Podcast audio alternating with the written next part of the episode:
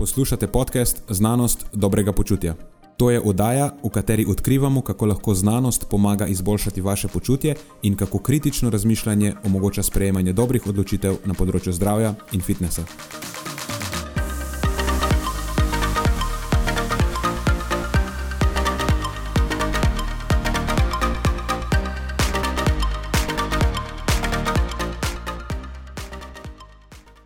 Preden začnemo, pa se moram zahvaliti še našim sponzorjem. Zaenkrat to še vedno ni velika korporacija, temveč zvesti poslušalci, ki nam izkazujete zaupanje in podporo s prijavo v našo člansko skupino Znanost dobrega počutja. Hvala vsem, ki s tem držite luči prižgane in omogočate podkastu, da raste in postaja še bolj kakovosten. Hvala tudi vsem, ki nas podpirate s pozitivnimi komentarji in visokimi ocenami, ter s tem, da priporočate podcast svojim znancem in prijateljem. Zdaj pa je končno čas za začetek epizode. Uživajte ob poslušanju.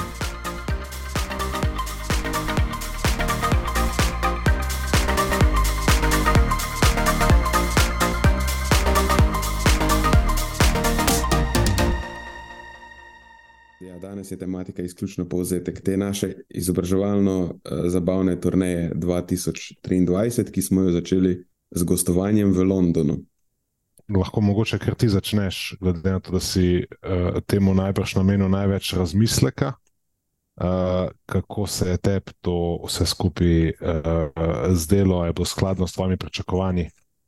Dani in Ellen vsekakor nista razočarala, ne? nismo pričakovali nič manj od njiju. Sta nam pripravila poučen in razmišljanje izzivajoč popoldan, plus tokrat, tokrat je bila gostja Nikola Gess mislim, da nas je tudi učarala. Ja, zelo. Jaz, jaz sem bil zelo presenečen nad njenim načinom uh, takega, kako se reče, candid izražanja, zelo uh, brez dlake na jeziku, uh, ampak na tak uh, zabaven, meni zelo blizu način, način izražanja. Ne, ki ni mhm. bil samo uh, tako zelo, uh, kako bi ti rekel, znan, znanstveno naravnan, vsekakor je bil, ne po eni strani, kot bi pričakoval nekoga iz, iz, iz uh, Oxforda. Ne, ampak po drugi strani je bilo tako zelo um, očrljivo, po eni strani, po drugi strani tudi zelo razumljivo. Uh, in pa predvsem praktično uporabno z težavami, s katerimi se srečujemo dan danes, ampak predvsem s težavami, s katerimi mislim, da se srečujejo malo več v, v UK in pa čez lužo v Ameriki. Ne vem, če so pri nas te neki merilniki že to popularna stvar, ampak bojo počasi postali najbrž. Eh, ali pač. Mislim, gledaj, če spremljaš te kakšne bolj biohackersko naravnane profile, vidiš to tendenco, da se lahko cepi tudi z merjenjem glukoze in ukvarjanjem z glukozo, oziroma ravnmi krvnega sladkorja in nihanji krvnega sladkorja po obroku. In, a, mislim, da gre tudi v to smer. Drugač, kar se tiče pa Nikole Gess, mislim, gospa je vodja raziskovalne skupine za remisijo diabetesa tipa 2 na Univerzi v Oxfordu. Tako da, koga bi bilo boljše pripeljati, da govori o tem kot njo, verjetno nobenega.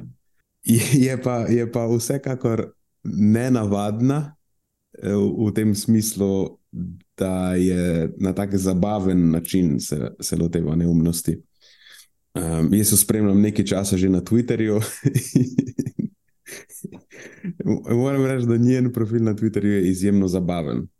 Vključuje tudi precej mimov in Mislim, da, je, da ni šla po tisti neki taki cinični poti, ampak oziroma ni je te, te, te neumnosti na, na Twitterju in družbenih omrežjih na splošno, nekako niso preveč spravile iz tira. Ampak je rekla, da pač to imamo, kaj lahko naredim najboljše z tega, pač malo se lahko pohecam in si popestrim dan sebi in unim, ki me spremljajo, in da jim se malo norčevati na, na njihov račun. Tako zelo, mislim, meni je blizu ta pristop. No?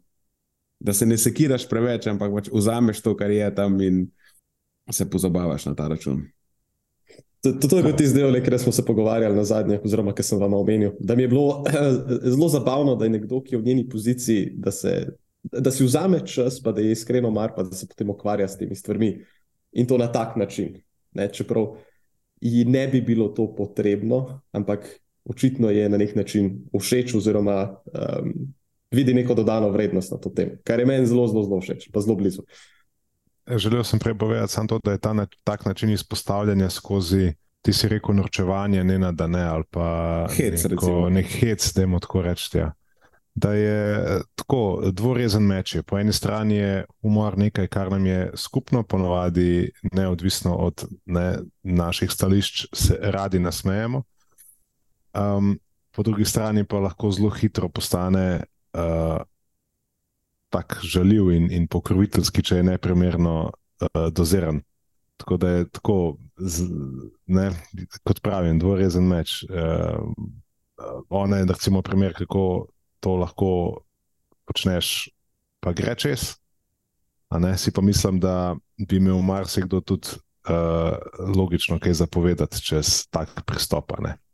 Eh, Se to je potem to, kar je zanimivo, ne? kar vedno razburka te vode. Eh, Kako se teh stvari lotiti, ker očitno samo z ozaveščanjem in izobraževanjem težko, ker to, to hočem povedati, s pom formuliral misel. Lej, na eni strani ljudje pravijo, vaša naloga je.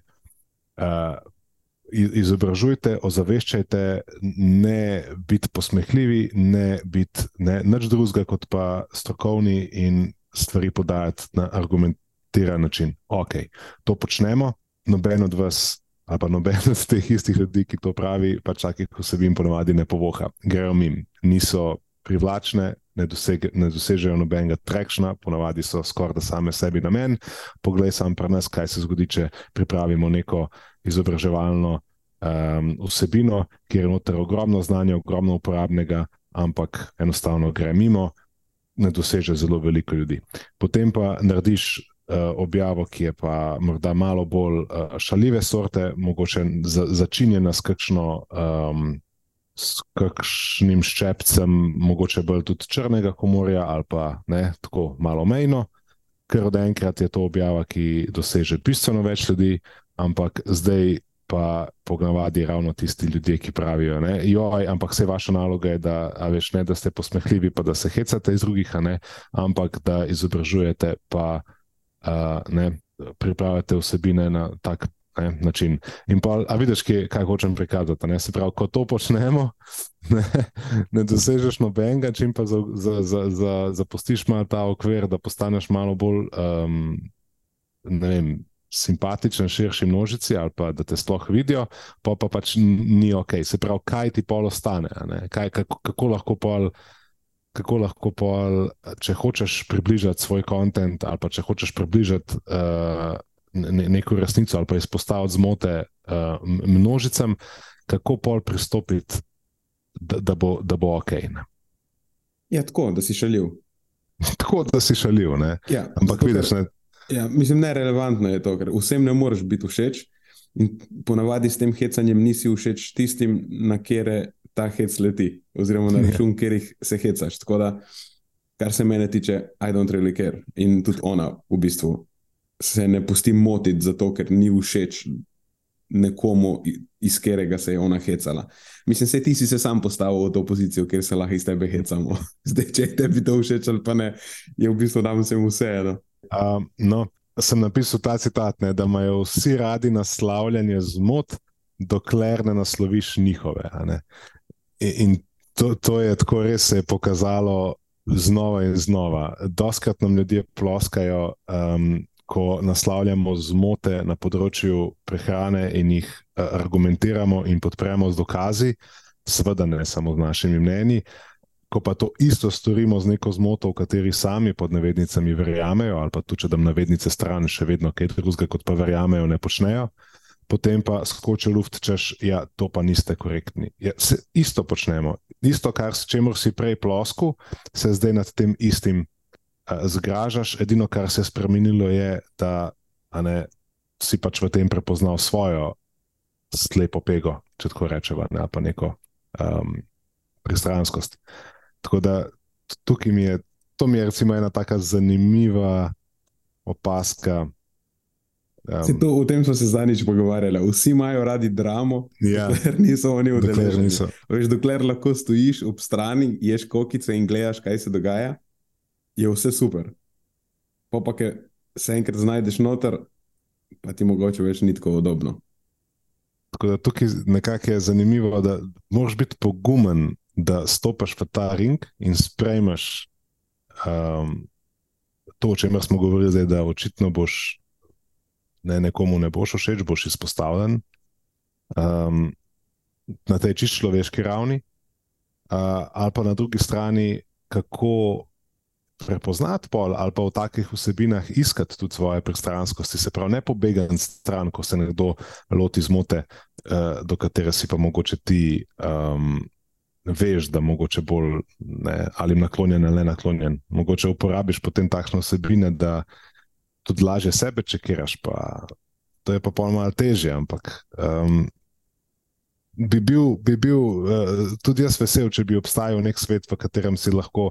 Jaz se spomnim, začetkov, ko sem začel delati, um, včasih mi Facebook servira tiste memories. A veš, pa se spomnim včasih, ko sem pisal o kakšnih vsebinah na področju prehrane, nisem rabo biti kaj, se truditi biti zelo zabaven, lahko sem samo napisal neko vsebino, ki je bila uporabna.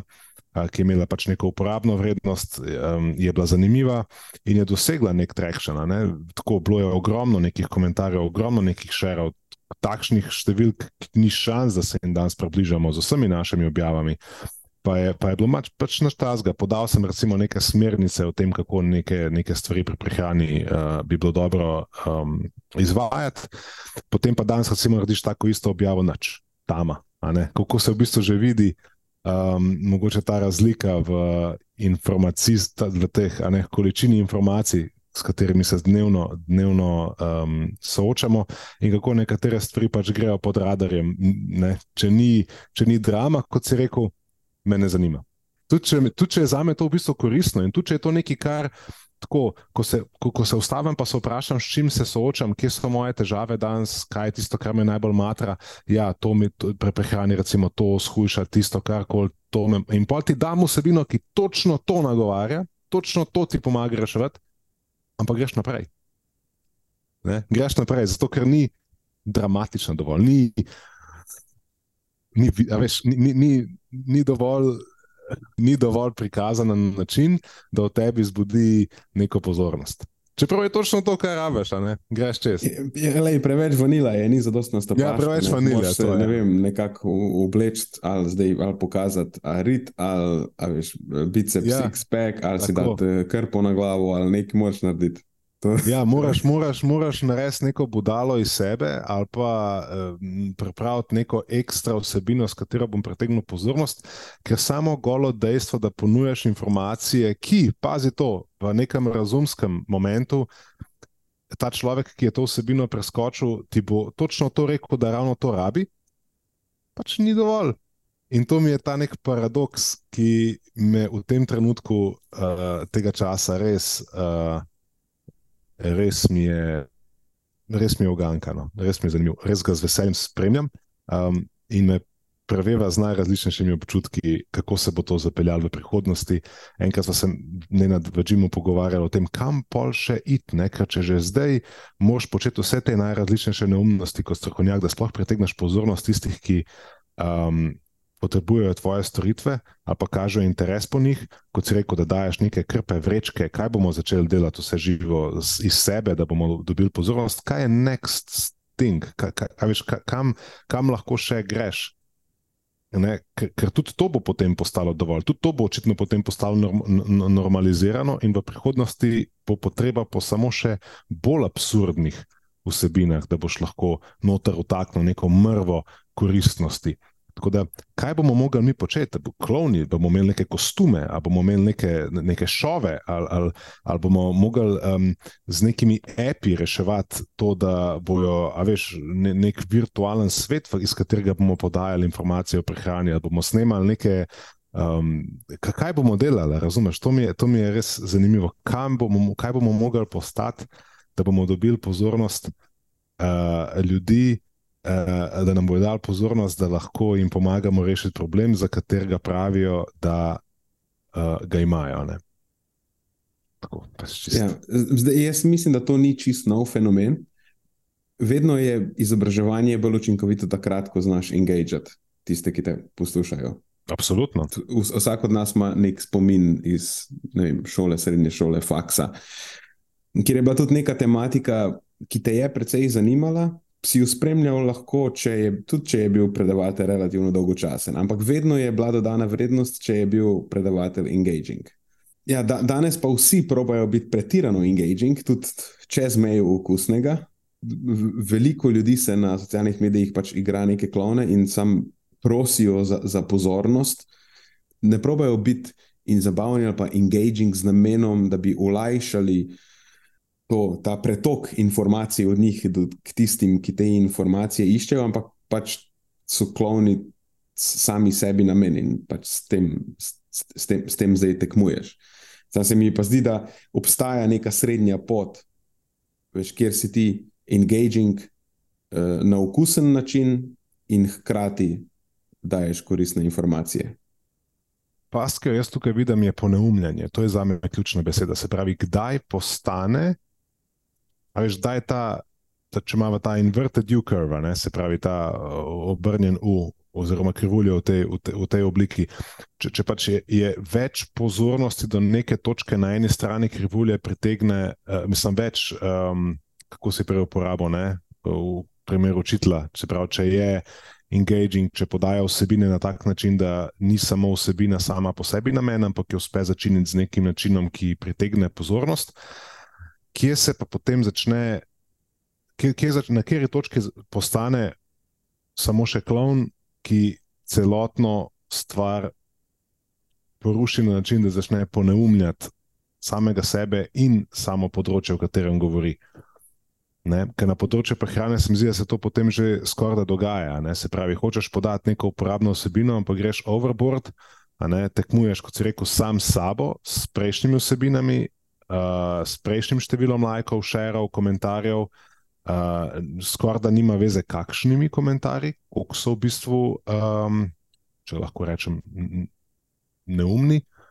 Uh, ampak važen samo, da jih je več.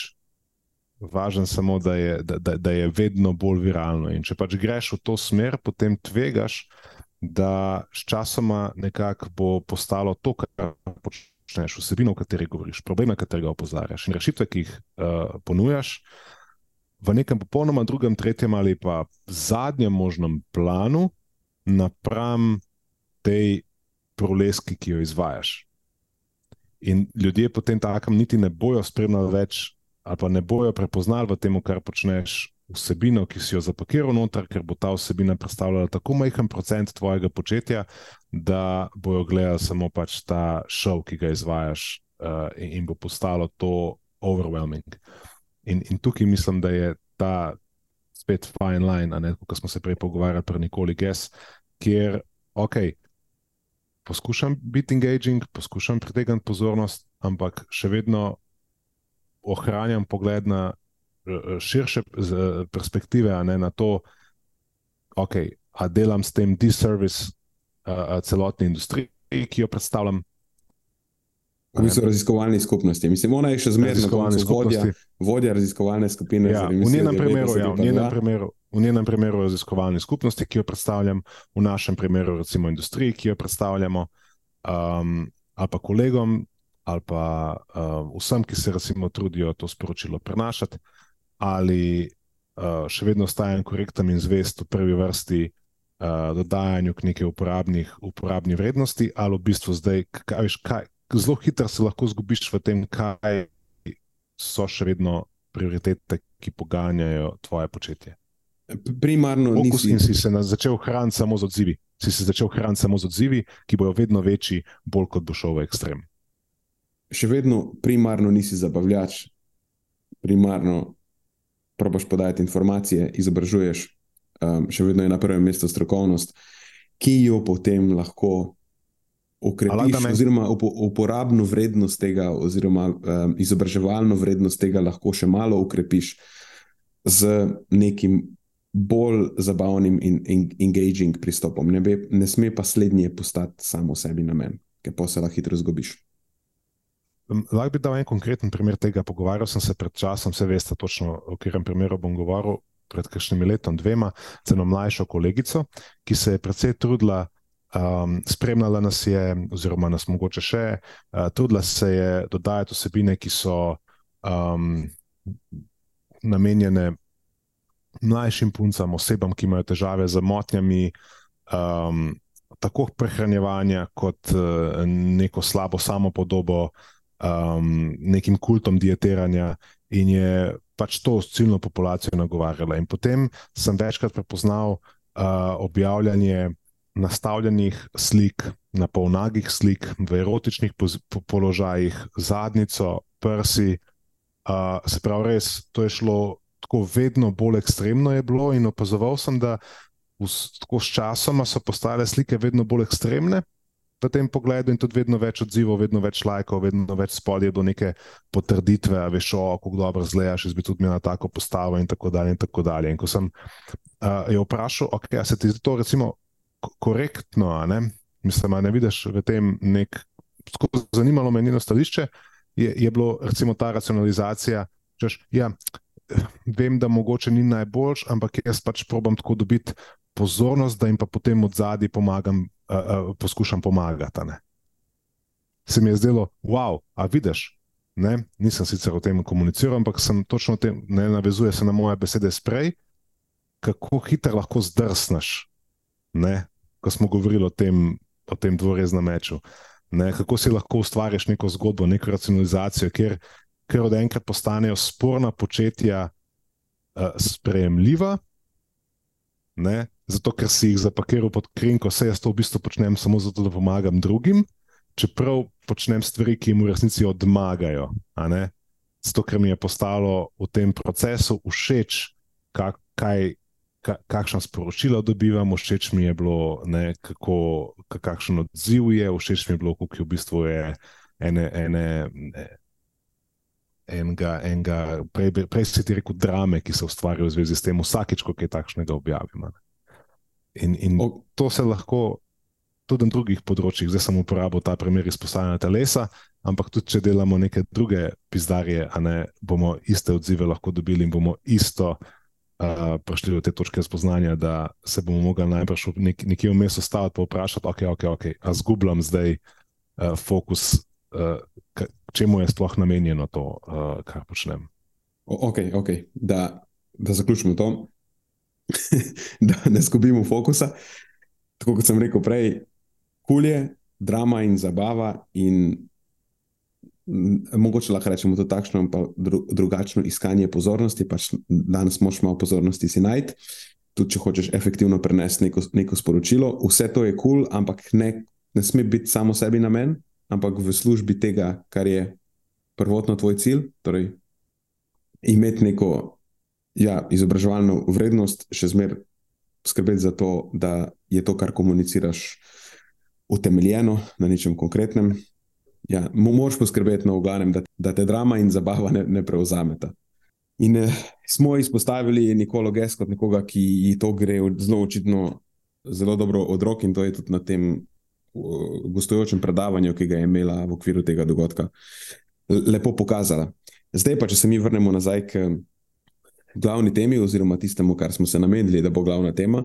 Torej, v Londonu, ki je bil prva postaja letošnje izobraževalno-zabavne turneje Filgudove, ker je tam potekal Sigma Nutrition Radio Live dogodek. To je bil drugi, drugi zaporeden tak dogodek, ki smo se ga udeležili lani v okviru lanske turneje, smo se udeležili tistega v Berlinu. In pred časom smo se odločili, da eh, to je nekako rodilo to izobraževalno zabavno turnejo, da bomo skrbeli za to, da se udeležujemo takih in podobnih dogodkov po, po Evropi. Najprej zato, ker je to koristno za, za naše izobraževanje, zato da vzdržujemo nek nivo strokovnosti, ne, da, da se družimo z ljudmi, ki vejo več od nas na nekih področjih in se, in se učimo na, na, uh, od njih. Uh, po drugi strani pa pol tudi mi trijelah uh, skupaj potujemo in se zabavamo. V bistvu je izobraževanje in tem bil neko enem. Ja, dva v eno. To, to je nekakšen namen te, te turneje. Ja, v glavnem, kaj se je dogajalo na tem, na tem dogodku? V srednji temi ali pa glavni tematiki tega dogodka sta bili dve prezentaciji. Prva, ki jo je predstavljala Nikola Gess, zdaj uradno je ona temu svojemu delu dala naslov CGMs for All, are we pathologizing normal glucose homeostasis? To bi lahko prevedli kot CGM-i so te merilniki za konstantno merjenje ravni glukoze v krvi. To je tisto, kar ponavadi diabetiki nosijo. In ona se je vprašala, ali to zdaj res moramo vsi delati. Ker je nek trend, sploh kot je Matjaž na začetku uh, v UK, pa v ZDA, da to zdaj kar vsi nosijo, ker vsi bi merili ravni krvnega sladkorja skozi cel dan. In potem v nadaljevanju se je vprašal, ali smo slučajno začeli uh, patologizirati normalno uh, homeostazo glukoze. Torej, vemo, da ravni krvnega sladkorja niso čist ravna črta skozi dan, ampak nihajo, so više in nižje, v odvisnosti od večjih dejavnikov. In zdaj nek segment ljudi se je začel ful ukvarjati s tem in tudi dojemati ta nihanja kot nekaj slabega, čeprav niso nujno nič slabega, ampak so v bistvu normalne. In iz tega pretiranega ukvarjanja že z ravni krvnega sladkorja sami, pa, pa sploh še, še s temi nihanji izhaja kupenih problemov. Tako da je, ona je to nekako probala predstaviti in to je bila tema njenega, njenega predavanja. Eh, v drugem delu je pa potem eh, Alan Flanagan govoril o tem, o čemu je on, specialist, eh, v bistvu krono prehrana, pa cirkadijani ritmi, pa kronotipi. To, to je tudi nekaj, kar je, iz česar je on delal doktorat. Ono, on je v svoji prezentaciji dal naslov Social Jet Lag, Chronotype and Meta Metabolic Health. Prevod tega je zelo preprost, torej socialni jet lag, kronotipi in presnovno zdravje. In on se je dejansko ukvarjal s tem, uh, kakšen je vpliv socialnega jet laga in kronotipa na presnovno zdravje. Pa vmes je bil še pregled potencialno koristnih prilagoditev prehrane, ki upoštevajo čas hranjenja. Ne? Eh, glede na to, da je on nutricionist, je potem v okviru tega lotil tudi prehrane malo bolj podrobno. A mi je uspelo to povzeti, kot je to zbrano? Ja, absolutno. Ta prvi del me je spomnil, ko sem jo poslušal, ko se sprašuje ne, retorično o tem, ali je res potrebno spremljati, a ne zdaj. Um, kaj se dogaja z sladkorjem v krvi, prav po vsakem obroku, pa potem na osnovi tega delati neke uh, akutne prilagoditve, pa spremembe. Pa, ne. Me spomnim, pa se ni to skladno s tem, kar že tako, tako počnemo v zadnjem času. Pomisel na spremljanje praktično vseh skoraj že zdravstvenih parametrov. Dva, ki jo lahko izpostavim, pa jo večina pozna, sta spanje in število korakov. Ker od enkrat smo začeli, kako si rekel, patologizirati uh, tudi dnevno število korakov in ure spanja, čeprav se zavedamo, da ne boš spal vsak dan enako in ne boš hodil, pa prehodil vsak dan enako število korakov, in bo obstajala neka variabilnost. In pač počasih je bilo popolnoma normalno, če si en dan spal, ne vem. Nisi mogel spati 4-5 ur, pa pač si rekel, je ok, bom pa naslednji dan tako noč spremenil in se bo, veš, tako skozi širšo, širšo perspektivo, to ni bila nobena drama. Ja, tukaj te moram ustaviti, glih pred časom. Dobro, da si to omenil, jaz ne bi se spomnil na to. Ampak to, točno to smo začeli delati. Patologizirati smo začeli neke čisto normalne stvari in s tem ustvarjamo dodatne probleme, ki jih prej sploh nismo imeli. Glih sem imel varovanca, ki si meri, meri v rekovajih, svoje spanje, torej kako, kako dobro je njegovo spanje, z unijo s tem aura ringom. Uh -huh. Ok, kul, cool, v redu je. Sej, ok, kul, cool, nekaj stvari lahko spremljaš, v tem ni nujno nič slabega, samo važen je tvoj odnos do tega. Model je imel prej čist v redu spanje, tako subjektivno, če si ga vprašal, ali si bil na span, bil sem na span, ali si hodil normalno spat, hodil sem normalno spat. A veš, in pol nekje vmes se mu je zgodilo, da je ta Aura Ring začel mu poročati, da vmes glih ti cikli neki ne štimajo čist, da njegov, kakovost njegovega spanca pač ni optimalna bila je v redu, sem ni bila več super duper. In se je začel s tem ful ukvarjati. Sem ga vprašal, si, pa, ampak si imel dobro spanje, subjektivno. Ja, zbudil sem se na span, sam Aura Ring mi je kazal, da, veš, da so tu, tu neki problemi. In poje začel vse stvari okoli tega spanja optimizirati, pa kako zdaj lahko on to povrne, pa kaj bom še prej delal, pa kako hitro zaspim. In bolj se je začel s tem ukvarjati, slabši je bil njegov spanje. Na koncu se je pripeljal do te točke, da je imel probleme s spanjem. In kaj so pol naredila? Prepovedal sem mu uporabljati oraring. Ampak, se, če pomisliš, evo, to je en tak konkreten primer iz prakse, uh, s kakršnimi se soočamo. Ampak, evo, eno je spremljanje spanja, pa potem je spremljanje števila korakov, pa potem je beleženje kalorij. Se pravi, pač, kaj je pa zdaj ta CGM v bistvu neki drugega, ne, oziroma kontinuirano spremljanje, uh, kaj se dogaja z ravni, ravni sladkorja po obroku. Pa če ena izmed teh istih oblik, ali pa ne, uh, kar že tako, tako počnemo, neko firpcanje.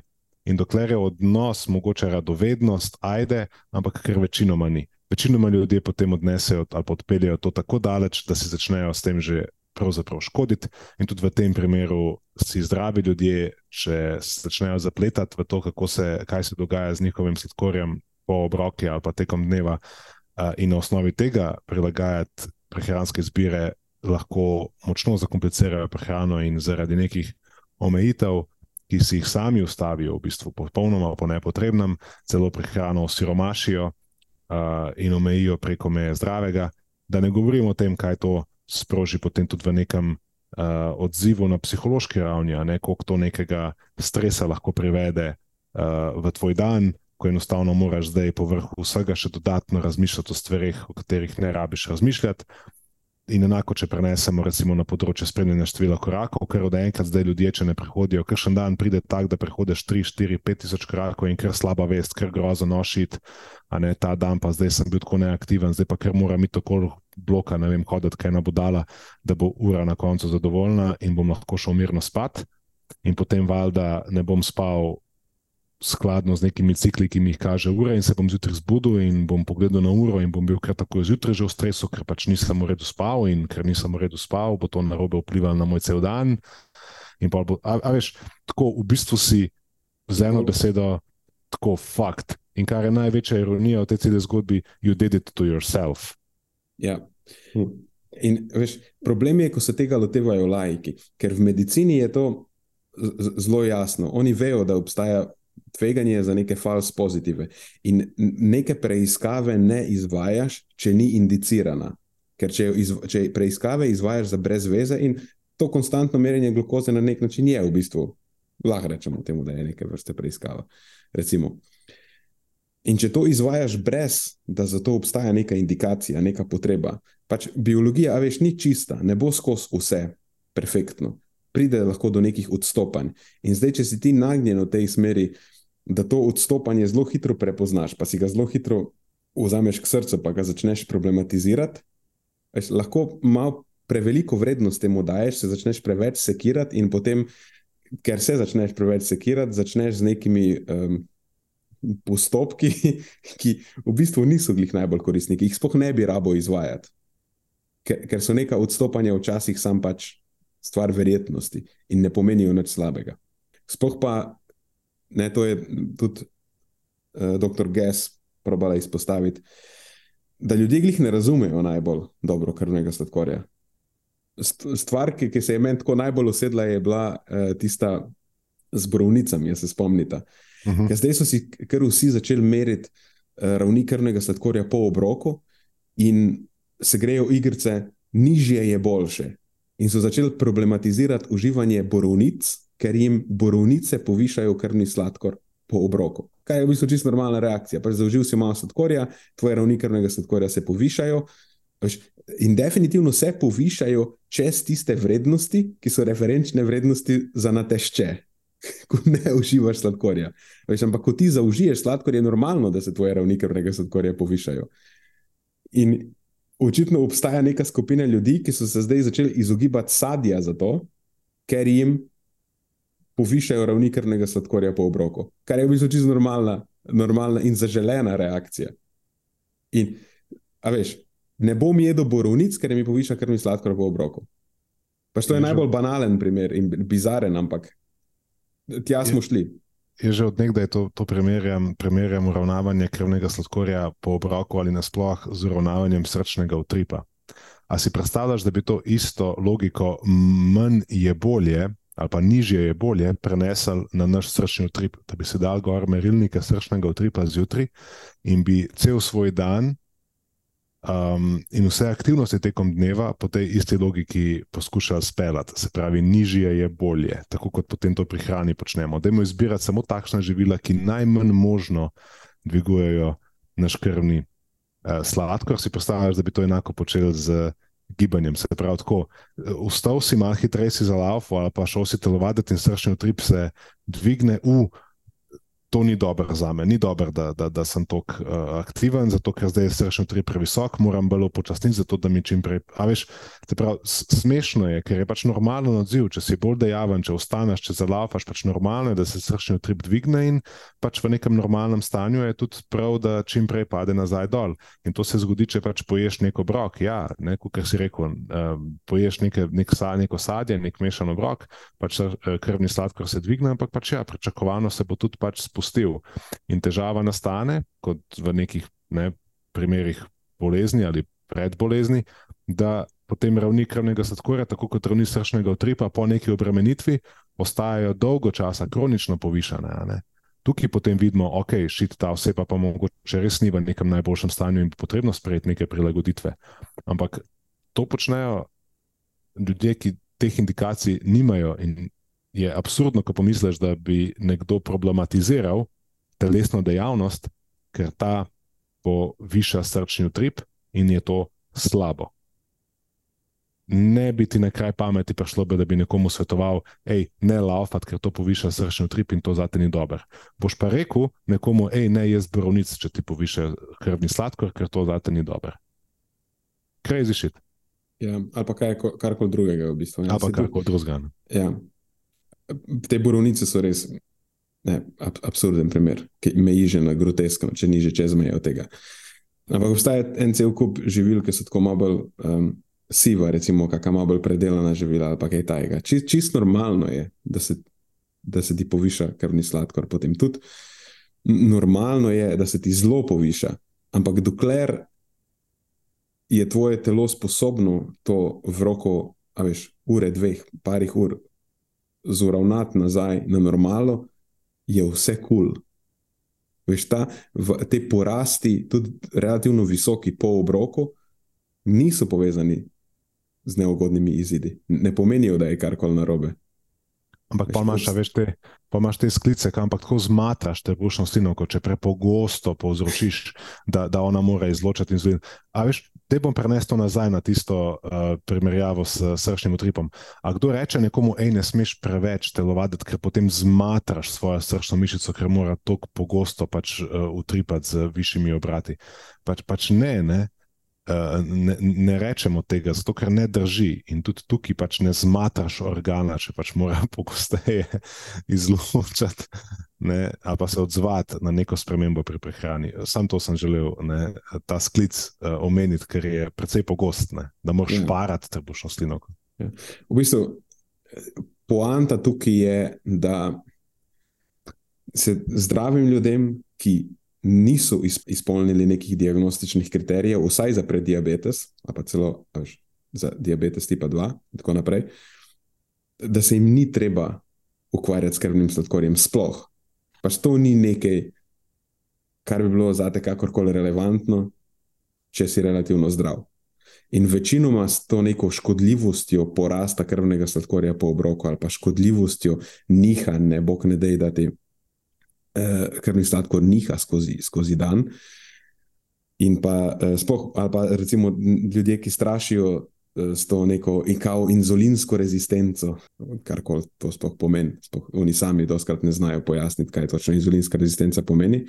Pač ljudje, ki strašijo s tem, so ponavadi tisti, ki imajo od tega korist. Zdaj, ali s tem dobijo pozornost, ker izpadajo full fancy, pa jaz zdaj poznam par zapletenih terminov, pa imam posebne strategije, kako lahko to nasloviva. A so oni, a so pa pač neki drugi, ki imajo nekaj za prodati. Ali prodajajo kako knjigo, ali prodajajo kako dieto za uravnavanje krvnega sladkorja, ali pa kaj takega. Ne? Pač resnica pa je taka, da zdravim posameznikom se s krvnim sladkorjem in z njihanjem krvnega sladkorja pač ni treba ukvarjati. Če nas zanima presnovno zdravje, obstaja kupenih stvari, ki so, ki so bolj pomembne. A veš, če hočeš prodati rešitev, ki ne deluje, moraš najprej ustvariti problem, ki ne obstaja. Ne? Tako da pač ustvarjati moraš problem, ki ne obstaja s tem, da problematiziraš recimo ne take reči, o katerih govorimo zdaj, pa na kjerem koli področju zdravja že. Uh, ali spanja, ali korakov, ali krvnega sladkorja, ali pač pite Boga, kaj bo jutr. Ampak našli bomo ne, ali to, da je naš živec vagus izven um, primernih nastavitev, ali karkoli bomo že mogli si izmisliti, da je tako, da zveni, da je nekaj narobe z nami, bomo pač to um, pripravljeni bili, oziroma nekateri bodo pripravljeni to narediti, zaradi tega, da potem lahko od zadaj dajo pač nekaj, na kar se lahko um, taka oseba potem impulzivno uh, odzove v smislu nakupa. Um, ampak to, to, to, je, to je očitno nek vzorc, ki se zdaj že večkrat, po, po, po, večkrat ponavlja, in je to samo ena izmed uh, oblik, v kateri se po, ponavlja. Ja, pač to lahko cepljenje naredi plodna tla za prodajo razno raznih neurotičnih pristopov. Drugač pa, predvsem temi trendi, več spremljanje korakov, spanje, CGM, je bilo še eno tako bolj osnovno orodje, ki je zelo pogosto napačno uporabljeno in to je tehnika. S tem se mislim, da tudi ogromno, kar srečujemo v praksi. Neko neurotično spremljanje telesne mase na tehnici, recimo tekom hujšanja, pa je manje samo teh številk srca, odsotnosti nekih drugih bolj objektivnih markerjev, kakor tudi nekih um, vzetja upoštevajo nekih normalnih fluktuacij preko tedna na račun nihanja vode ali pa stanja nahranjenosti in podobno. Ne vodi jih v najbolj ugodno situacijo. Jaz sem se tle spomnil na eno objavo, ki sem jo enkrat pripravil, ker sem, uh, mislim, da primerjal sekiro in tehnico. Se zdi tako malo čudna primerjava na prvo žogo, ampak uh, oboje je lahko urodje, oboje je lahko tako po eni strani zelo koristno urodje, ali pa zelo nevarno urodje, čisto odvisno od tega, kako se uporabi. In ta CGM po eni strani, sem dobesedno lahko rešuje življenja diabetikom, ampak sicer zdravo populacijo, pa je njihova uporaba lahko zelo, zelo nevarna, še posebej, če uporabiš po tem principu, recimo, da nehaš jesti borovnice, samo zato, ker ti je potem sladkor porastel takoj po njih. Absurdno. Dober primer so tehnice. Ja. Kar je bilo meni še posebej zanimivo tam v prezentaciji, je, ko je uh, dr. Gess pokazala, kako v bistvu te neke uh, variabilnost glukoze. Pa porasti, sami porasti po obroku, niso, niso zelo relevantni, niti za izide pri, pri diabetikih, bodi si tipa ena ali pa tipa dva. Veš, da, tudi pri njih neko pretirano dlako cepljenje s tem v bistvu ni tisto, kar bi bilo najbolj koristno. Da še zmeraj obstajajo te taki neki bolj splošni pristopi, ki pa so, mm. ki, ki so ena, precej lažje jih je uvesti v prakso, so manj obremenjujoči in tudi na koncu se izkažejo kot bolj učinkoviti. Veš, če je nekdo diabetik, bolj kot to, da se spremlja, pa neurotično meri svoje ravni krvnega sladkorja. Za njim bo bolj koristno to, da se osredotoči na splošno kakovost svoje prehrane. Skoraj neodvisno od tega, kako v nekem trenutku to vpliva na, na njegov krvni sladkor. Ali pa da se osredotoči na povišanje stopnje telesne dejavnosti. Ker ravni krvnega sladkorja, če bo stvari v življenju počel ok, se bodo načeloma normalizirale. Ja, ne bodo se normalizirale glih pri diabetikih, ampak vsekakor bo situacija bolj ugodna, kot je bila prej, če se ukvarja s tistimi dejavniki, za katere je znano, da imajo ugoden vpliv na to. Kot pa da proba, a veš, tako nekako manualno vsako. Vsako odstopanje probati uravnati z neko, z neko posebno strategijo zgrešiš gozd, ker se ukvarjaš s posamičnimi drevesi. Kako že gre? Mislim, da ja, nekaj takega se zgodi. Ja. Mm. Ja. Nekaj takega se zgodi. Da, ja, sej, na, na koncu je zaključek tak, da skoraj kdorkoli si, si zdrav ali imaš že neko presnovno motnjo, za izboljšanje stanja, pa za izboljšanje sposobnosti eh, nadzorovanja krvnega sladkorja, se je vedno najbolj priporočljivo zanašati na neke bolj splošne prilagoditve, za katere je pokazano, da ugodno vplivajo na homeostazo glukoze. Zdaj, če imaš povišeno telesno maso, da normaliziraš telesno maso, ne, da urediš energijski vnos, da poskrbiš za splošno kakovost prehrane, da razmisliš o tem, ali je bilo smiselno povišati stopnjo telesne dejavnosti. uh, da uvedeš neko raznovrstnost telesne dejavnosti, ja, veš, da imaš in vadbo za vzdržljivost, da imaš vadbo za moč, da poskrbiš za ugodno telesno sestavo. Lahko sicer potem uvedeš tudi neke malo bolj tarčne strategije, v smislu, da uh, ponavadi je eden izmed pomembnejših vzrokov za poslabšano sposobnost regulacije krvnega sladkorja, v bistvu maščoba v predelu jeter in trebušne slinavke. Ne. Tukaj pač na področju prehrane obstajajo določene prilagoditve, um, za katere vemo, da so bolj ugodne v tem smislu, ne, da lahko pomagajo znižati eh, zamaščenost jeter ali pa uh, trebušne slinavke. Tako da, okay, to so neke strategije, polke ti lahko pomagajo, ampak še zmeraj se tukaj ne rabiš ukvarjati z nihanjem krvnega sladkorja. Uh, še zmeraj to pade pod uh, domeno splošne kakovosti prehrane. Ne, to ponavadi pomeni, ja, da, da zbiraš malo bolj kakovostne živila, tudi borovnice in, in sadje, da opaziš na recimo, vnos nasičenih maščob in, in pač take stvari. No. Energijski vnos v splošnem. To pa itek smo že omenili, ja, to je pa na koncu dneva najbrž najpomembnejša stvar. In s katero se najmanj ljudi v bistvu ukvarja, oziroma najprej zanemari. To, kar ja. smo se nekako energijski vnosi, nekaj, čemer se, a veš, ne šteti kalorij, šteti kemikalije, ni važno, koliko poješ, važno je, kaj ješ, kdaj ješ. Uh, se pravi, to, to je ta, tak, dosta eklatanten primer zanemarjanja gozda na osnovi ukvarjanja z posamičnimi drevesi, kar potem ljudje tudi počnejo, se pravi, se zapičijo vse te posamične metode in če jih ne pripeljejo v to smer, da izgubijo odvečno telesno maščobo, potem se tudi zares nič, ki je bistveno ne spremeni z vidika njihove simptomatike, ne glede na količino in stopnjo neurotičnosti ali kompliciranja.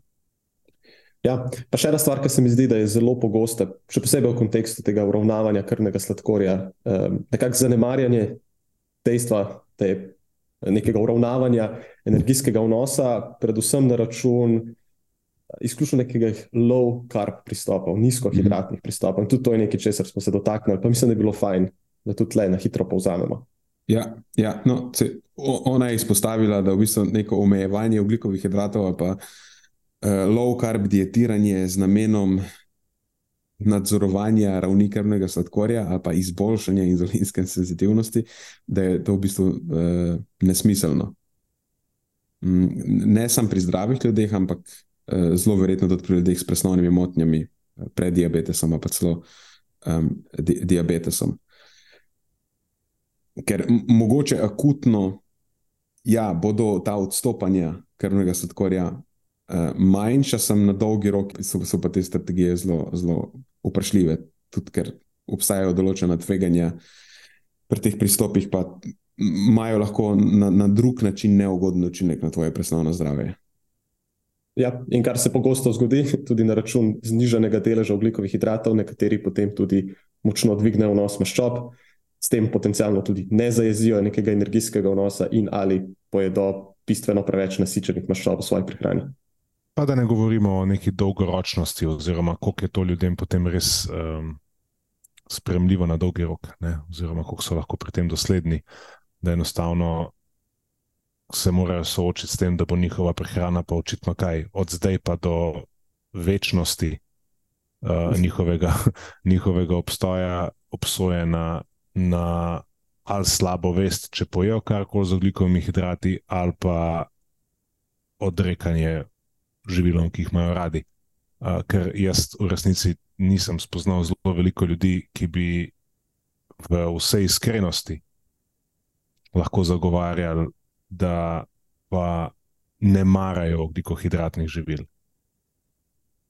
Poznam nekaj ljudi, ki so se bili sposobni prepričati v to, da jih ne rabijo, ampak da se prepričaš v to, da ne rabiš nečesa, ne pomeni, da ti ni všeč, to sta dve različni stvari.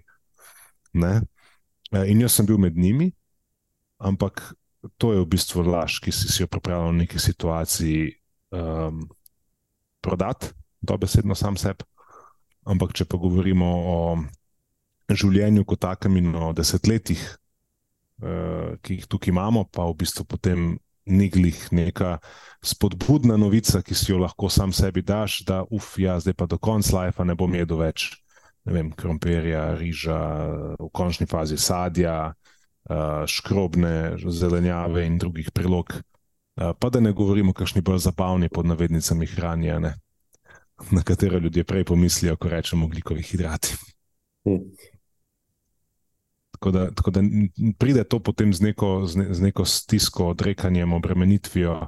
Um, Nekaj, kot je Matjaž omenil, nasičene maščobe imajo potem lahko nek, uh, so, so lahko nek pomemben dejavnik tveganja, ampak tudi ta nek tleči stres ne, ki, in tesnobnost, ki jo že uh, nosiš s sabo, uh, tudi je nekaj, kar ne more prispevati pozitivno m, v širšem pogledu na zdravje.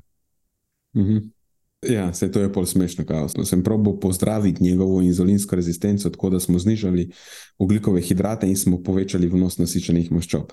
Okay, cool. Sam vemo, da tako nasičene maščobe govorimo o visceralni zamaščenosti in zamaščenosti jeter, tako so najbolj neugodne. Ja. Ne vem, kako si potem vplival pozitivno na inzulinsko rezistenco s tem. Ja, če si shujšal, kot smo pa rekli, ne, če pač uspeš shujšati s čimerkoli. Eh, tudi najbolj v teoriji neugodnim pristopom, je pač ta, ta, ta, ta, ta dejavnik tako močan, da ja. doskrat uspe ne, prikazati, vsaj, da zadeva deluje, samo pa moraš biti tako previden, da znaš zasluge ustrezno pripisati, ne, se pravi, izgubi odvečne maščobe, ne pa pač tej čudodelni metodi, ki si jo izbral za ta namen.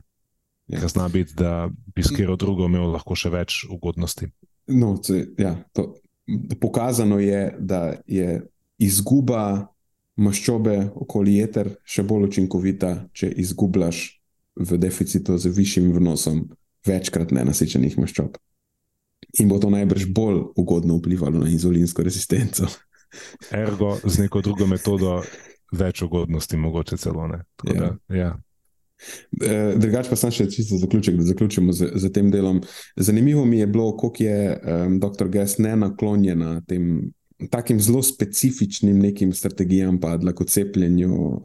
In uh, eh, vse to je najbrž posledica tega, da ona ni samo raziskovalka, vodja raziskovalne skupine, ampak ima, deluje tudi v klinični praksi. Pomeni, da se, se ukvarja s pravimi ljudmi in, in vidi, kaj gre skozi in kaj ne. In kaj je ne, ne samo kaj literatura kaže, ampak kaj je v praksi učinkovito. Je, in je tako zelo, zelo pragmatična. Je. In, in res ni nekdo, ki bi se uklepal dreves, pa o, ob tem zgrešil cel gost, ampak tako ima zelo dober pregled nad celim gozdom. A sta opazila to podobnost? Recimo tudi z nami, da bolj kot je nekdo močan v teoriji, in če povrhu tega dela z ljudmi in jim pomaga to teorijo spraviti v njihovo prakso, postane vedno bolj odporen do tega bulšita in zna bolj opozarjati na problematiko dlakocepljenja.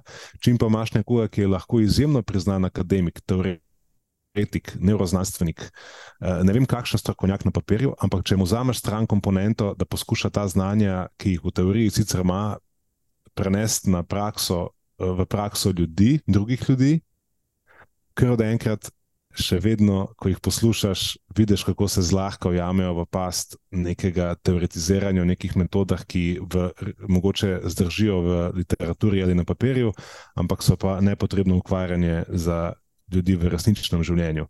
In to je ta četap, na katero sem želel upozoriti. Kaj ti doda ta komponenta dela, na, eh, dela v praksi z ljudmi, ker poskušiš pri njih dejansko vzbuditi neke pozitivne prilagoditve. Um, to, to je nekaj, kar meni recimo, je zanimivo, zanimivo opažanje. Mm. Vmes med predavanji je potekal QA, po vsakem predavanju, pa še enkrat na koncu. In po predavanju eh, dr. Gess je nekdo postavil vprašanje v zvezi z nekaloričnimi sladili. Ne? Je kao, eh, izpostavil je to, da ima relativno visok vnos nekaloričnih sladil, eh, čeprav potem nekako vsi poznamo nekoga, ki ima bistveno višji vnos nekaloričnih sladil, ampak on je to postavil v smislu, da ga zdaj malo skrbi, ker popije ne vem, en monster na dan ali nekaj tajzga. Pa se je ona sem nasmehnila. In že prednji je karkoli rekla, se je videlo, kakšno je njeno stališče v zvezi z nekaloričnimi sladili, pa je to pol v bistvu tudi artikulirala na ta način, da je, da je to popoln non-issue. No? Da, da mislim, da je v luči vsega, kar vemo, je ukvarjanje s tem, koliko nekaloričnih ne sladil zaužiješ, popolnoma nerelevantno. Tudi če se potrudiš, skoraj jih ne moreš zaužiti toliko, da bi ti lahko kakšne koli signifikantne probleme povzročala. Lahko v tistem primeru poveš, um, ki ga poznaš bolje, kaj je objavila enkrat, ne vem, uh, katere so njene tri najljubše stvari, pa ena izmed njih je bila kaj neka vodka, vodka ali, ali, ali ne vem, džin, ne vem kaj je že bilo, kako loziro.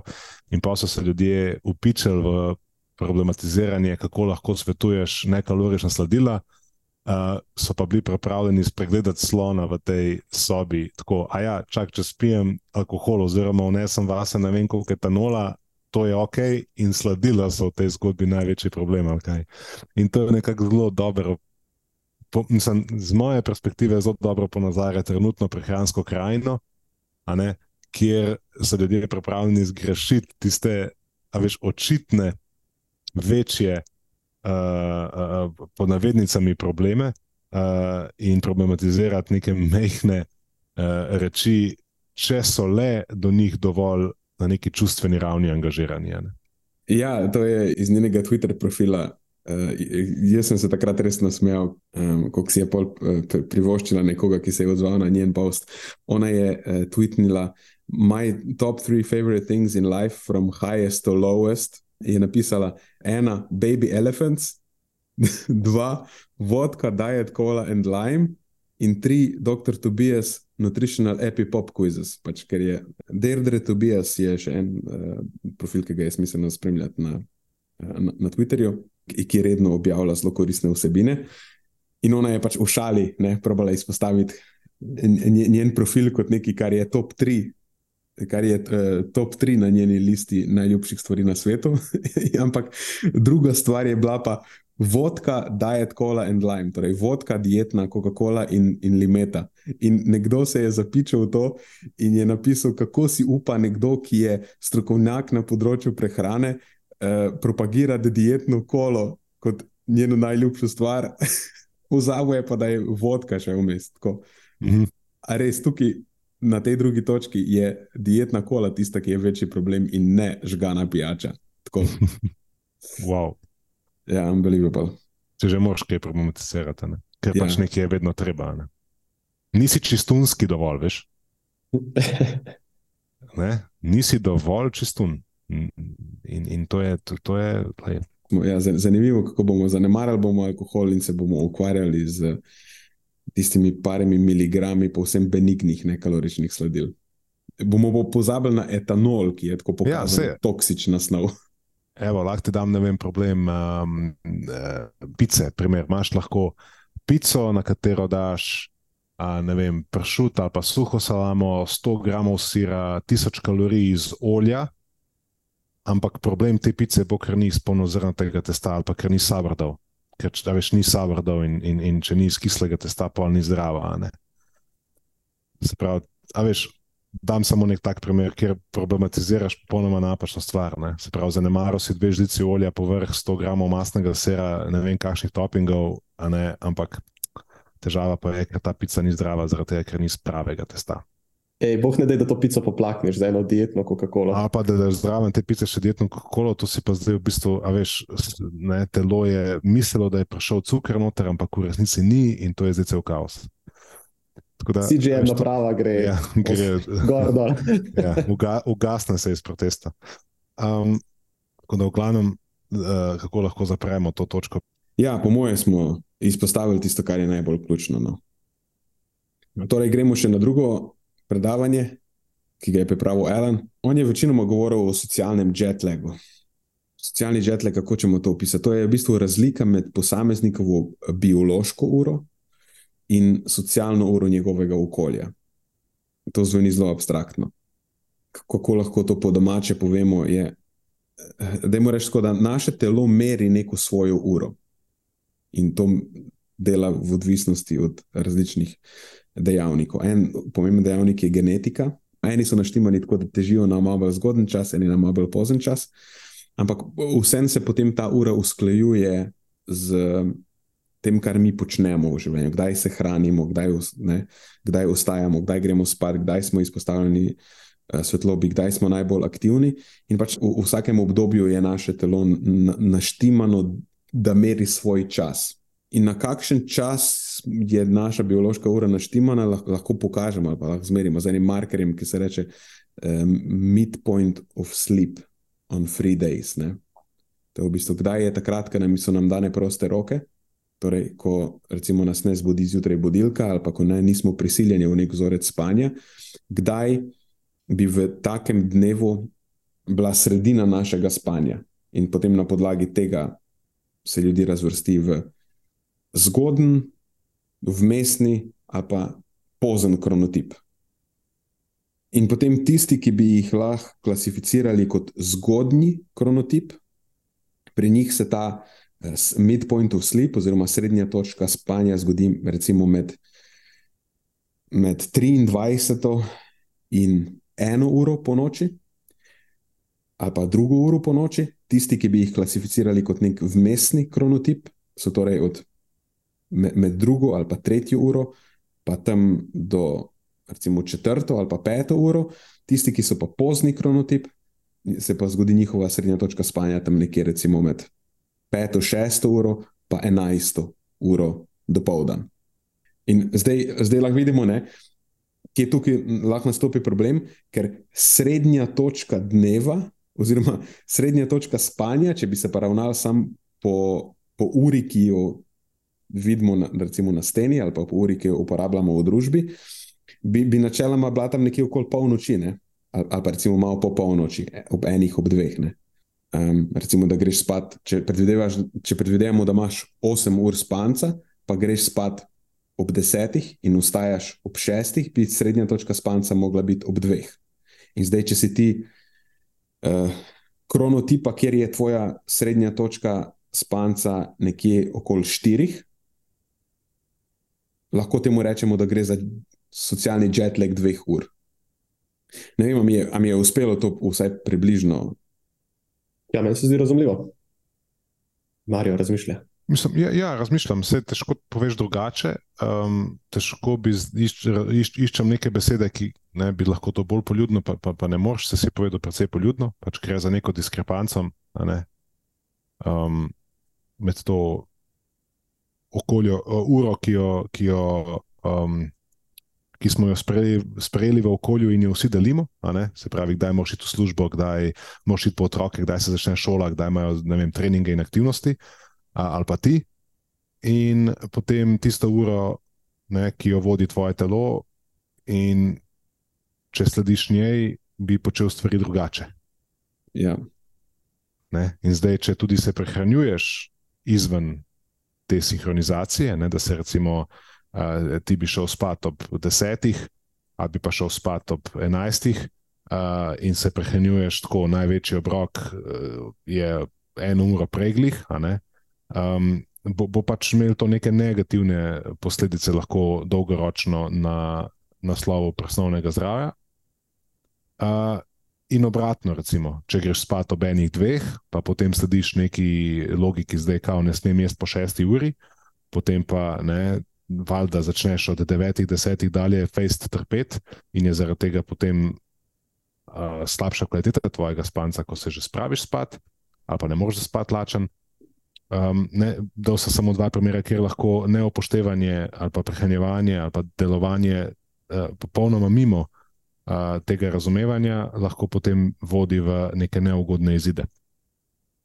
In danes se recimo zelo malo o tem govori, um, doskrat se potem neke skupnosti uh, izpostavlja kot neke um, promotorje uh, enega navodila, primer, ja, ne smeš jesti po šesti uri ali pa um, lej ta pa ta primer, Čeprav vemo, da na individualni ravni ni glih tako enostavno, ker obstajajo različni kronotipi, kot si rekel, in je potrebno upoštevati posameznike in kamo znotraj tega paše, in mu potem nekako prilagoditi plan prehrane, tako da je bolj skladen s tem, kako on funkcionira. Mhm. Ne pa ga posiljevati oziroma siliti z nekimi velikimi zajtrki, ker pač moraš jesti velike zajtrke. Um, če pa enostavno je njegov način funkcioniranja uh, in njegov kronotip malo drugačen, in bi bil bolj ustrezen, če bi imel mogoče malo zamaknjeno uh, v eno ali pa v drugo uh, smer v dnevu.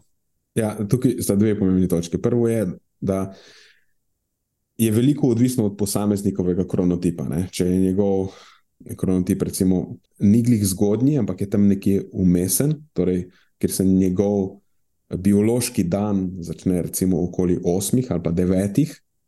Za najbrž ni neke hude potrebe, da začne vstajati ob 6, pa, pa imeti velike zajtrke, zato ker smo nekje tako slišali. E, tako da veliko je odvisno od, od posameznikovega kronotipa v, ne, v nekem trenutku, tako kot je zdaj trenutno njegova biološka ura nastavljena. Je pa res, da če je njegov kronotip zamaknjen tako, da je neusklajen z to neko splošno sprejeto uro, kako mi merimo čas, da je to neugodno povezano z eh, nadzorovanjem apetita, telesno masno, telesno sestavo in tudi presnovnim zdravjem. In da z določenimi prehranskimi strategijami, pa drugimi strategijami, prilagoditvijo telesne dejavnosti, dnevne aktivnosti, vsem lahko vplivamo na ta kronotip, lahko ga naredimo malo bolj zgodnjega. Če ima on zaradi nekih stvari, ki jih počne v življenju, malenkost bolj pozen kronotip, ampak njegova služba od njega zahteva, recimo, da vstaja ob šestih.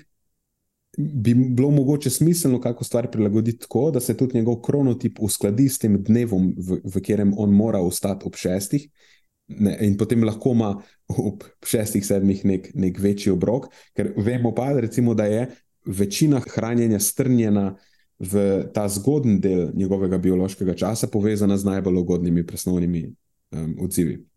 Fuljenih premikajočih se delov, ki so med sabo, so med sabo zelo odvisni. Lekcija, ki se jo lahko ven iz tega vzame, je ta, da zelo, hitro lahko zanemariš neka prehranska navodila oziroma usmeritve tistih, ki želijo predstaviti nek njihov uh, sistem, pristop, način, um, kot primeren, univerzalno ali pa neodvisno od specifik posameznika oziroma vašega, vašega življenjskega sloga ali pa ne recimo kronotipa. Um, to je lahko taka, spet, en spet tak pokazatelj, ker je enostavno prehrana bolj kompleksna, kot pa je uh, ta nek one size fits all uh, mindset, ki jo ponavadi poganja. Matjaš, si hotel nekaj uh, dodati? Ne, točno to sem hotel dodati. Ja. Da nekih univerzalnih priporočil, tipa imej velik zajtrk, nehaj jesti po šesti uri in tako naprej, pač ne bodo pili vode. Ja, bodo mogoče koristne za določene kronotipe, ampak za večino drugih pa pač ne. Zdaj, tukaj je poček kupenih specifik, kaj pa ljudje, ki delajo v izmeni in tako naprej. Ne? izmenskega dela je tudi vedno več, v bistvu ne vedno manj, mm. kar je zanimivo. Kljub temu, da vemo, kako neugodne so posledice, lahko na zdravje dolgoročno, pa, pa vendar so nekateri poklici od to vrstnega dela skoraj da neločljivo povezani. Um, in za njih skoraj da ni nekih uh, uporabnih uh, smernic, in dobro, pri nas se z njimi že dolgo časa ukvarjamo, ampak vedno uh, na način, kot ga zdaj opisujemo, se pravi, z nekimi individualnimi prilagoditvami, upoštevajoč pač neka, neke splošne principe, ki jih vemo, da takrat obstajajo.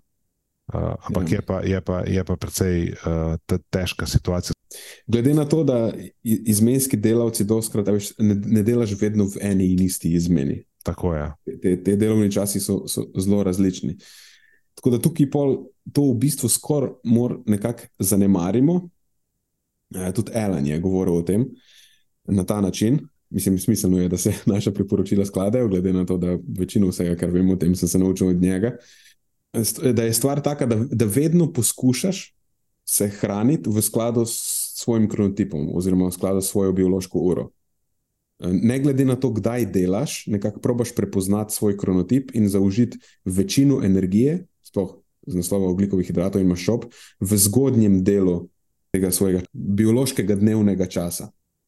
In potem tudi, če delaš izven tega, recimo takrat, ki bi sodeč po tvojem biološkem času mogel spati, načeloma probaš jesti čim manj, oziroma se zanašaš predvsem na, na beljakovine, da potešiš svoj apetit.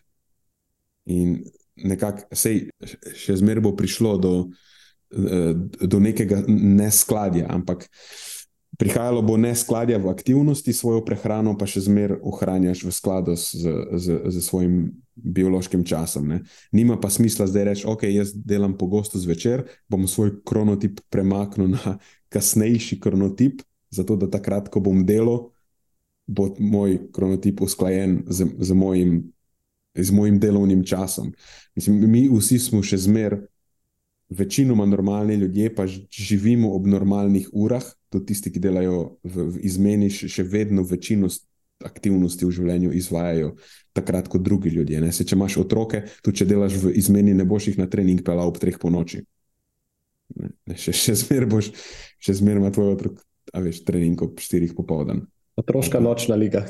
Ja, ali pa v trgovino moraš iti v polnih urah, ko so trgovine odprte.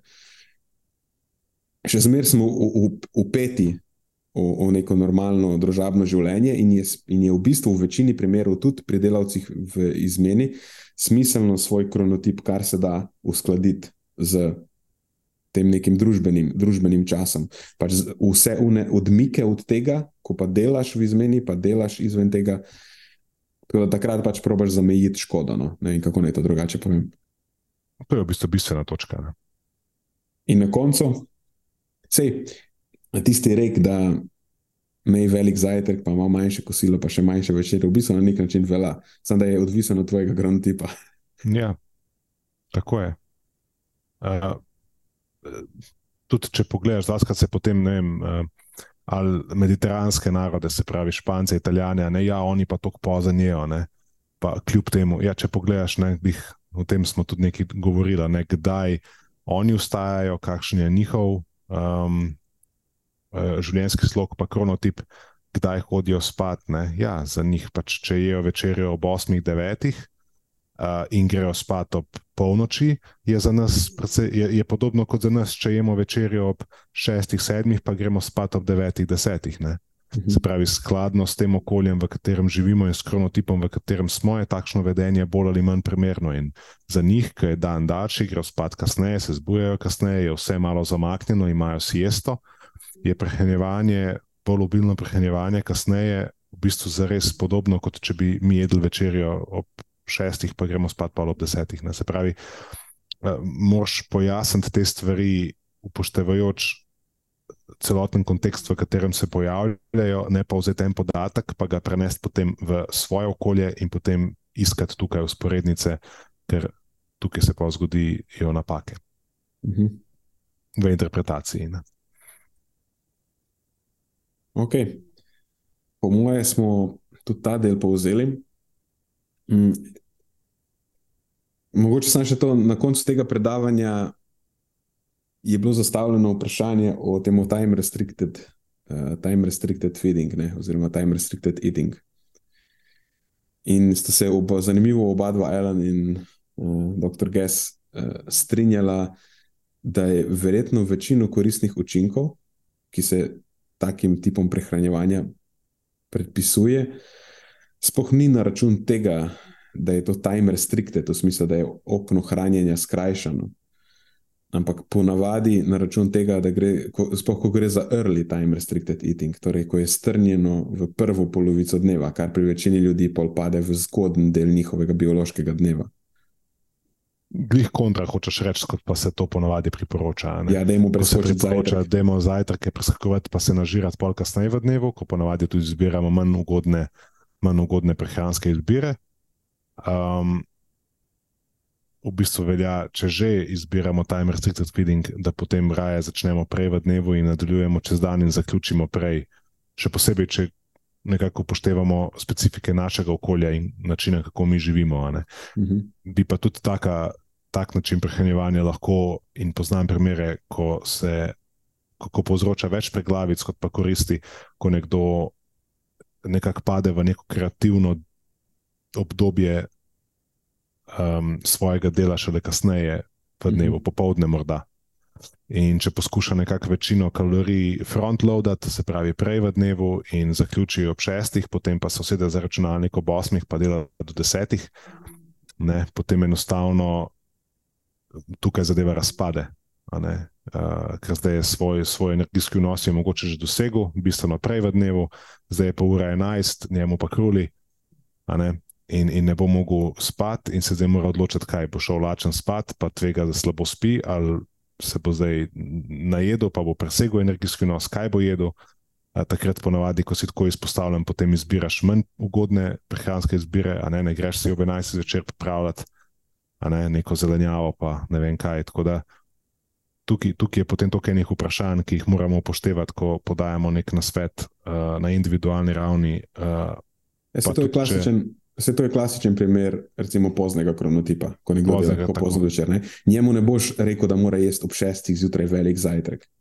Pač za nje je bolj smiselno potem nekje bolj skoraj proti sredi dneva, se najbrž bo tudi ustal kasneje, nekje sredi dneva splanirati en relativno kulturen obrok in potem recimo v poznih popoldanskih urah en kulturen obrok in potem eventualno tudi v, ne, večernih urah, ker zdaj je že zaužil večji del svojih kalorij v njegovem uh, zgodnjem biološkem času, mhm. ima še vseeno prostor za en relativno kulturen obrok, če ga potrebuje rečemo temu pozno zvečer, ali pa vem, lahko celo po noči. Ne? Se v končni fazi se je šele zdaj, za vse nas je že po noči, pozno po noči, za nje je v bistvu pozno zvečer, šele, če ne upoštevamo biološki čas. Ja. In če ima prostor za en kulturen obrok, ali pa v končni fazi, če hočeš biti on the safe side, če zmerno, high protein dinners for the win. Tudi tud, če, če potem hočemo upoštevati, ali pa iti še en korak dlje, se pač v, v, v, v teh poznih urah poskrbi za z beljakovinami bogato brok, pa se malo uh, odščipne pri ugljikovih hidratih in maščobah. To, kar si prej omenil, se mi zdi zelo pomembno, ker v praksi opažam. Ja, rekel so, ne, da ni treba jesti zajtrk, če se pozno zbudiš, pa če ti zajtrk ne paše, jaz pač laga preskočiš.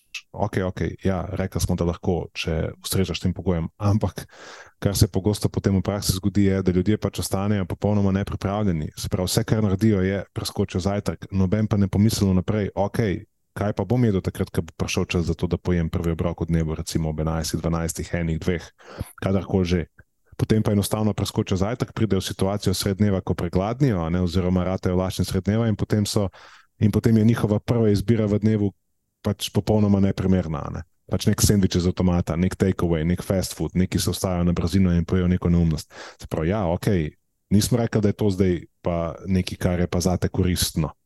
Če, ne, če je nesmiselno Eh, se sil zajtrkom, je glih tako nesmiselno priti v čas kosila oziroma prvega obroka v dnevu popolnoma nepripravljen in izpostavljen množici neprimernih izbir.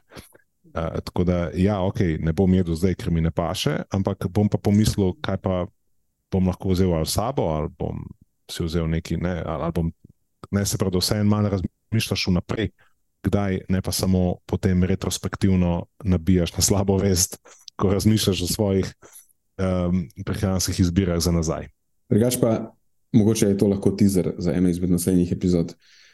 Pač to preskakovanje zajtrka ima pokazano tudi lahko neugoden učinek na regulacijo apetita. Tako da, to, da ti preskočiš zajtrk, ne pomeni, da si preskočil zajtrk, ampak lahko pomeni tudi, da boš težje zmanjširal svojo prehrano pri naslednjih obrokih. Tudi zna biti, da boš v večernih urah, zato ker si preskočil zajtrk, bolj lačen, kot bi bil Tako. sicer. In tukaj se zelo pogosto, to sem hotel reči, zelo se pogosto pogovarjamo o številu obrokov, o tem, ali ješ zajtrk ali ga ne ješ, um, kdaj ješ. Um, s tem se ukvarjamo bolj kot pa dejansko samo sestavo obroka, ko že ta se zgodi. Ne? In zna biti, da tudi če ti preskočiš zajtrk, pa so potem ostali obroki v dnevu ustrezno prilagojeni, da bojo te negativne posledice um, bolj omejene, kot pa če ti pa samo preskočiš zajtrk, pa so potem neke izbire tekom dneva kasneje bolj naključne, kot pa uh, premišljene. Ja, pa si si pa mogoče samo še bolj nastežaj odprl vrata točno, tem, uh, točno temu, uh, kar si zdaj omenil. Da pač pa zvečer, ko boš prišel domov, si, zdaj, si pa, zdaj si pa na srkva. Tukaj pa nismo nobenih zelo konkretnih. Viš, Marija, zato nismo popularni. Pol preveč o sivinah govorimo. Ja, čakaj, demo en uh, Andy Huberman zaključek. Uh, se pravi, uh, ne jest po kaj, kjer uro bomo dali, pa demo še par arbitrarnih nekih. Uh, kava, ne pozabiti na kavo zjutraj. Ja, kavo. Ja, težko je, ne? mislim, težko je podajati. Če hočeš nekako to je ta večni trik. Hočeš ohraniti neko odgovornost v komunikaciji, nočeš podajati nekih pašalnih eh, navodil brez veze, ker se zavedaš, da te poslušajo ljudje, za katere to zna biti koristno, in mnogo takih, za katere ni. oziroma ne bo koristno. Tako da si bolj zadržan v tem, opozarjaš pač neko kritičnost v ocenjevanju teh informacij, v razmišljanju o, o, o teh znanjih, in posledično izpade, da je, izpade lahko na vzven, da nisi bil dovolj konkreten. Ja, mislim, se ne moreš biti konkreten nikomor konkretnemu. Drži. Drugač pa da zaključimo na šaljivi noti. Jaz sem danes zamaknil svoj vnos kofeina, namreč ko sem uh, zjutraj šel na vece, sem pozabil sproti prežgati štedilnik. In, uh, Za 15 minut si ga zamaknil. In pol, ko sem prišel nazaj, sem še le prežgal in sem mogel počakati, da kafetera naredi kavo, tako da danes imam zamik kofeina. Hmm. Se, se mi zdel tako malo bolj. Um, čuti se ta efekt zamika kofeina. Jaz ga pa nisem zamaknil in zdaj, ko končamo, grem po naslednjo dozo. Po mojem, so ta izobraževalni del izobraževalno-turističnega izleta zelo dobro obdelan. Ja, tur, turističnega, nažalost, ni več prišlo preveč na vrsto. Sedaj, drugač, prvi dan smo imeli klasično turistično izkušnjo, drugi dan je bil pa Matjaš, naš tour guide po takih bolj alternativnih delih uh, Londona.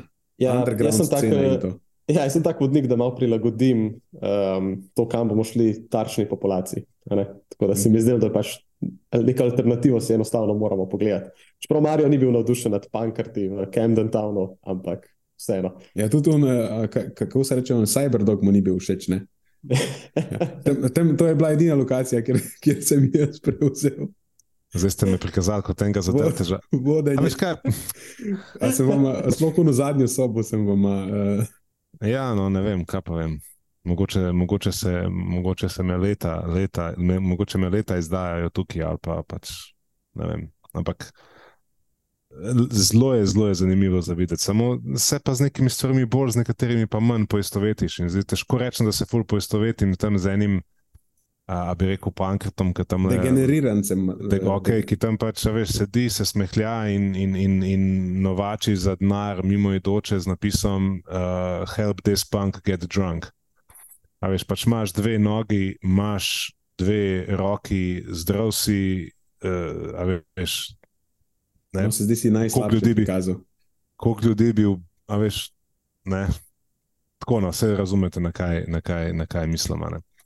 Um, Tako da take stvari potem mene malo uh, tako.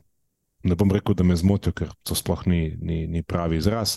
Ampak se pa lahko pa rečem, da se s tem ne poistovetim tako potem sem pa malo bolj zadržan, pa malo bolj uh, opazujem stvari z distance. In tako sem pač tudi opazoval ostale stvari, ki smo si jih ogledali tam. Tudi tiste, ki najbolj degenerira, de, degenerirane. Ja. Zdaj ste ugotovili, da je Marijo je v bistvu največji konzervativec med nami. A sem res? Dobra, dobra hipoteza, čakaj, ne vem, bomo preizprašali to. Veš kaj? V smislu tolerance do z generacije, mogoče res, v smislu, to, to, to, mislim, v smislu ukvarjanja z tistimi, ki uh, bi radi imeli vse, pa naredili za to um, veliko manj kot vse, um, ker jim pač to pripada, ker so um, to oni. To, to je nekaj, ker ta entitlement je nekaj, kar iskreno priznavam, da ta, uh, ta pozicija uh, mi, mi, mi je tuja, mi ne vidim zelo veliko vrednosti v njej. Um, lej, sem pa, da veš, se bom mogel pa tudi jaz upgraditi, zato da bom lažje. Um, uspešen v, v teh časih. Ne morem, ne, ne, ne, ne morem romantizirati preteklosti in nekih drugih časov, bo treba stopiti v korak s tem, v katerem smo danes. In dejstvo je, da je pač tega tudi kar nekaj v tem času danes, in težko uh, verjamem, da bo v prihodnosti uh, manj takšnih, recimo, nekih na, na, nastavitev v razmišljanju.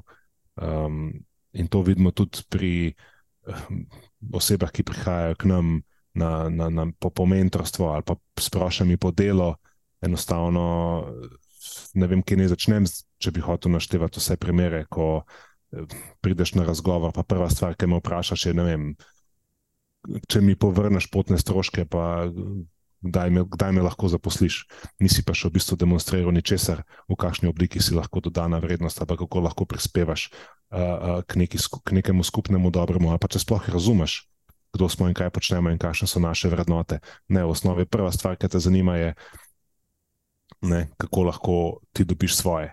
In, in to je nisem jaz tako učen. To pa še ne pomeni, da ni prostor za to. Samo znajce moram jaz. To je dobra istočnica za eno izmed najnih naslednjih debat. Mm. Okay, hvala. Ja, pač. Camden Town ima svoj čar, kljub temu, da je poln eh, degenerirancev. Za odprte sorte ljudi in zelo eh, liberalno nagnjene je vsekakor zanimiva de destinacija. Za unemo bolj zadržane, pa ma malo manj. Jaz bi pa mogoče za zaključek samo še povabil vse poslušalce, uh, na, da prisluhnejo epizodi tudi številka 110, če jim bi bila ta všeč, ker je podobne narave kot ta, opisuje pa naš izlet v Berlin in lekcije, ki smo jih takrat vzeli. Ok, kul, cool. to je to. To je za tokrat vse iz naše strani. Hvala, ker ste poslušali do konca. Delite epizodo s svojimi znanci in prijatelji in jo priporočajte dalje, saj s tem omogočite, da sporočilo znanost dobrega počutja doseže čim večjo množico. Hvala vsem, ki nas podpirate s članarino in tudi vsem ostalim, ki delite podcast dalje in nam izkazujete naklonjenost z visokimi ocenami in pozitivnimi komentarji. Se slišimo prihodnjič, do takrat pa ostanite premišljeni.